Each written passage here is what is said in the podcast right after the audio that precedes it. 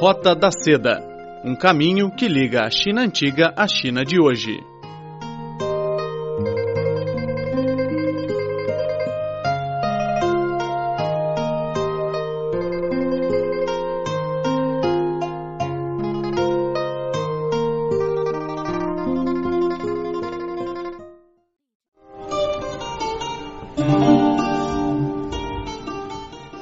O fado é violas e guitarras.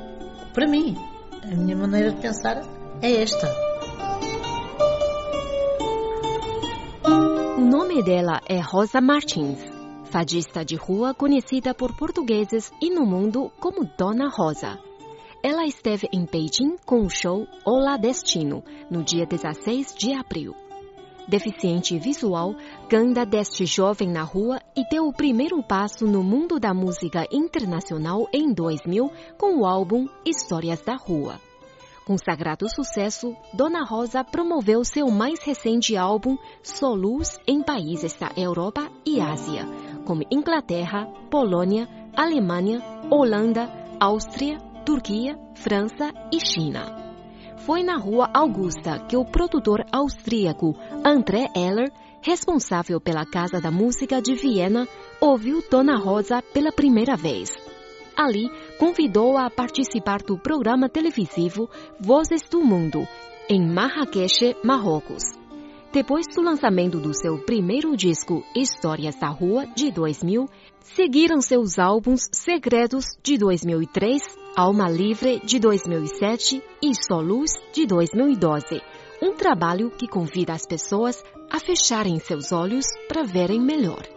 A Roda da Seda teve o privilégio de conversar com a Dona Rosa antes do começo do concerto em Beijing, para compartilhar com vocês as emoções, as reflexões sobre o destino e o fado desta cantora corajosa e lendária. Vamos lá! A senhora falou que só canta as músicas que gosta de cantar. Sim. Então eu gostaria de é, saber quais que tipo de música que a senhora gosta de cantar. Por quê?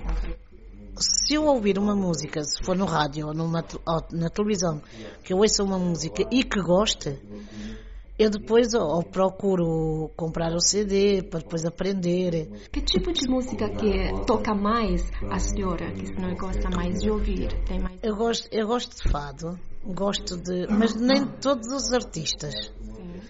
Gosto de fado, gosto de música uh, popular portuguesa, uh, música folclore. Depois também as pessoas que, que, cantam as músicas, porque eu depois às vezes quando quando depois vou cantar essa música, às vezes dou um muda assim um bocadinho se não gostar assim do, do tom ou assim, eu mudo, canto depois à minha maneira. Além de, do fado e da música portuguesa, a senhora também gosta de ouvir uh, músicas dos outros países, da China, que a senhora já esteve em Taiwan, né? Yeah. E estive agora, tive agora em, em novembro. Aham, uh -huh, sim. Você, é, a senhora já ouviu falar de algumas é, canções chinesas ou cantores chineses? Eu, eu é assim, eu por acaso tenho músicas estrangeiras, mas é de pessoas que me dão quando vou assim, como por exemplo vir a, por exemplo, vir fazer o meu concerto e haver outros artistas que também vêm fazer concerto, né? E às vezes fazemos trocas de CDs. Mas comprar, comprar, por acaso não sou muito de comprar música estrangeira. Com, mas gosto de ouvir a, a, alguns artistas estrangeiros. Para quem tiver interesse e quiser aprender fado, a senhora poderia dar algumas dicas ah, quer dizer, à minha maneira, não é? Porque eu não sou, não sou, não ando em aulas de música, nem, nunca fiz aulas de música. Eu é tudo assim que aprendo só por minha iniciativa. Sim, aprendeu com a rádio. Eu só a ouvir a rádio, e depois, por exemplo, em cassetes ou em discos, por exemplo, quando eu andava na escola, eu, muitas vezes, quando era férias, as minhas colegas iam de férias, eu não ia às férias todas, passava as férias na escola. E então havia, tínhamos lá um, como se fosse um giradiscos, mas é, chamavam-lhe as grafenolas, tinha que se dar à manivela para o disco funcionar. Hoje há, há os giradiscos, os DVDs e assim? É? mas antigamente era discos grandes, então ouvia também músicas desses discos também. E a senhora acha que o fado vai continuar despertando o interesse da geração jovem portuguesa? Eu acho que, acho que a geração portuguesa anda a estragar o fado. Quem esteja agora a pôr o, o acordeão, por exemplo, no fado, hum. eu acho mal. Sou contra isso. Eu, por exemplo, tenho num dos meus CDs, tenho um, um fado que eu canto, que não é meu, mas que eu canto, e queriam praticamente à força toda pôr eh, o acordeão nesse fado. Eu não concordei e disse mesmo, com o acordeão só se me fizessem, pusessem por cima sem eu depois saber, não é? Há certos instrumentos que, que sou contra que ponham, como se costuma dizer, cada música tem os seus instrumentos. E não vamos estragar umas músicas com outros instrumentos que não. Eu conheci, por exemplo, o folclore. Uh, o folclore eu conheci desde miúda, também era uma, uma coisa que eu gosto. Pronto, folclore é, é música tradicional popular portuguesa. E eu, por exemplo, sou uma pessoa contra, e não se vê muito também, mas hoje em dia já querem fazer isso, uh, porem guitarra na, na música folclore. Concordo com o cavaquinho, concordo com o acordeão, concordo. Pronto. Uh, mas cada música para o seu estilo. Por exemplo, pôr o acordeão no, fa no fado, não concordo. Só que, pronto, eu, eu, dou a minha opinião, as pessoas podem não aceitar, não é? Cada um é livre de aceitar aquilo que quer. E como é que a senhora analisa o futuro do fado?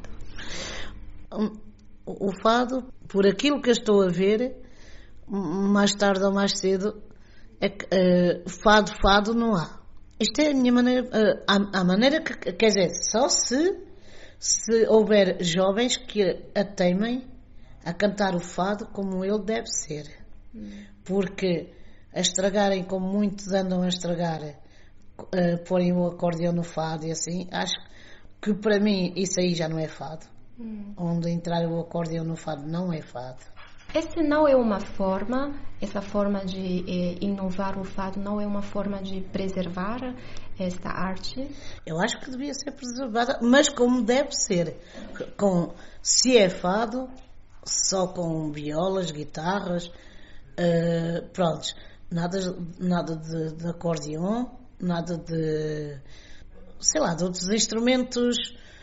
O fado é violas e guitarras. Para mim, a minha maneira de pensar é esta. Tá e agora vamos falar um pouco sobre o destino, sobre o fado fado. Hum. A, a senhora passou por momentos difíceis e eu gostaria de saber onde vem essa força para enfrentar todos os desafios da nossa vida. Quer dizer, a gente ganha forças, às vezes perde-as, já, já as ganhei, já as perdi, por acaso agora estou mais ou menos. Mas já estive numa fase em, em que tinha pensamentos até negativos, de, pensamentos em desistir de tudo e de todos, como se costuma dizer. Uh, mas pronto, é, ultimamente, por acaso, já há um tempo que não tenho essa fase. Mas uh, às vezes o viver sozinha também leva-nos a, a, ter assim umas ideias que não se deve ter também, não é? E a senhora acha que as limitações físicas impedem a gente de alcançar o nosso objetivo, a nossa meta? Não, eu acho que quando uma pessoa tem vontade, o principal é a gente também gostar daquilo que faz. Uhum. E, e, a senhora se sente feliz agora? Sim, é, neste momento está tudo bem comigo. Ontem, ontem, quando a gente chegou, vinha cansada, mas já descansei. Tudo. E, e depois com uma pessoa que vai fazer aquilo que gosta sempre. Agora tenho andado mal das pernas porque nos outros, quando vou à Alemanha ou assim, eu arrisco, ainda saio sozinha, ainda bem dar uma volta cá fora. Sou uma pessoa que gosto de andar. Ah. Eu gosto de andar, mas poder andar como eu gosto, melhor. Andar assim a pedir licença às pernas para andar, como eu costumo dizer, lá por a gente não ver, lá por a, também não vamos abusar. Ah, se eu tenho quem faça isto. A gente também deve tentar fazer alguma coisa. Há sempre coisas que a gente pode fazer. Não, é, não vamos a, a, só porque não vejo, ah, aquela pessoa vai, vai me levar. Se eu puder me desenrascar, eu, não, eu tento não, não dar trabalho. Eu gostaria que a senhora dê os conselhos para quem se sente triste, sofrido ou se encontra em dificuldades. Quais os conselhos? Olha, eu, eu já, tenho, já tenho estado muito triste, tenho de vez em quando começo a pensar em coisas que não devo e como não tenho assim muito com quem desabafar, tenho uma família muito grande, mas também não posso desabafar com eles e vivo sozinha. Muitas das vezes vou trabalhar para a rua, estou a cantar e já as lágrimas muitas vezes a caírem, mas parece que não, se a gente tentar levar um bocado, se a gente se fechar em casa, no fundo, a gente pensa que, que faz bem fechar-se em casa, mas faz mal. Porque eu falo por mim, porque é quando então começa a pensar ainda pior. O melhor é uma pessoa sair mas pronto, sair, por exemplo, eu gosto muito de. Eu não vou à praia. Ah, em Portugal eu não vou à praia sozinha.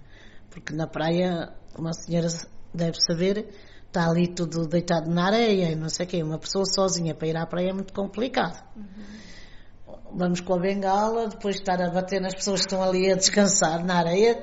É muito. É muito e depois também tem, temos outro problema. É não vamos para a água também de bengala, né? Se a gente deixar a bengala sozinha ali na, na areia, quando a gente dá conta já não sabe onde deixou a bengala. Mas mesmo não indo à praia mesmo, para a areia, quando estou assim embaixo, gosto. Por acaso já, já não faço isso há uns, uns dois ou três anos, mas gosto de ir como se fosse para a praia em geral há sempre aqueles banquinhos assim em frente ao mar, né? Uhum. E eu costumo dizer, gosto de ir para ali, está o tempo bom, ver os barcos chegarem uhum. e as pessoas andarem ali, ou essas pessoas a mandarem para a água, pronto, aquele movimento e aquela aragem do mar a mim faz-me bem. Como não vou à areia sozinha ou, e, não, e não vou à água pelo motivo que já disse à senhora, só o estar ali em frente a, a, ver as ondas, como eu costumo dizer, que eu gosto de falar assim, a ver, só a ver as ondas e, e levo uma coisa para me entreter, ou um livro para ler, ou, ou malha para fazer. Pronto, uma, uma coisa para também não estar ali só. Mas isso faz-me bem. Se eu fosse à água, se houvesse uma, se houver uma praia que tenha rochas, assim no meio da água, gosto muito de me sentar no meio de, das rochas e apanhar coisas das rochas, como o, não sei se a senhora conhece lapas. Sim, é um é um é um é um, uma concha. Um, é uma concha, vá, digamos que dentro tem uma, um animal que se come, que é muito bom aquilo. Eu já comi. Ah, é, é, é muito bom. Gostei. É, eu gosto daquilo. E eu gosto de as apanhar. Ah. Mas é preciso sabê-las apanhar, porque ah. elas são espertas que se a senhora for apanhar e se, se, ela, se ela der conta que vai apanhá-la, ela não deixa-se apanhar. Deixa a concha sair e ela fica na rocha. Ah, e a senhora conseguiu apanhar? Eu apanho. Mas tem, temos, que ir é com, temos que ir é com cuidado, com o bico da faca. E, e a gente apercebe-se apercebe-se do buraco da concha aberta, enfiar logo o bico da, da faca ali. Uhum. Não andar ali a fazer festinhas, senão ela, hum. não, não, ela gosta das festinhas, fica lá. não, não vai para a gente. Boas dicas. Para finalizar a entrevista, a senhora pode apresentar um pouquinho sobre o vosso grupo? São três pessoas, né? Uh, sim, já uh, houve alturas que foram, éramos quatro. Éramos quatro, mas era uma pessoa que vinha para me guiar só. E agora, a tocar, a tocar, somos três. Tá, então pode apresentar os dois? Uma pessoa que toca uh, tá. o, a guitarra é o Raul Abreu. E o outro moço é o Tiago uh, Pirralho, mas uh, que, que é a primeira vez que vem comigo. Ah, este, porque é, este é, o, é, a primeira vez, né? nem é ele que está no, nos CDs a tocar. A senhora toca ferrinho? Eu é ferrinhos. É, é mais fácil de transportar. Eis a entrevistada de hoje, Dona Rosa Martins, fadista portuguesa que alcança sucesso internacional. Com isso, a Roda da Seda fica por aqui. Sou Silvia Jin e a gente se vê na próxima semana. Tchau, tchau!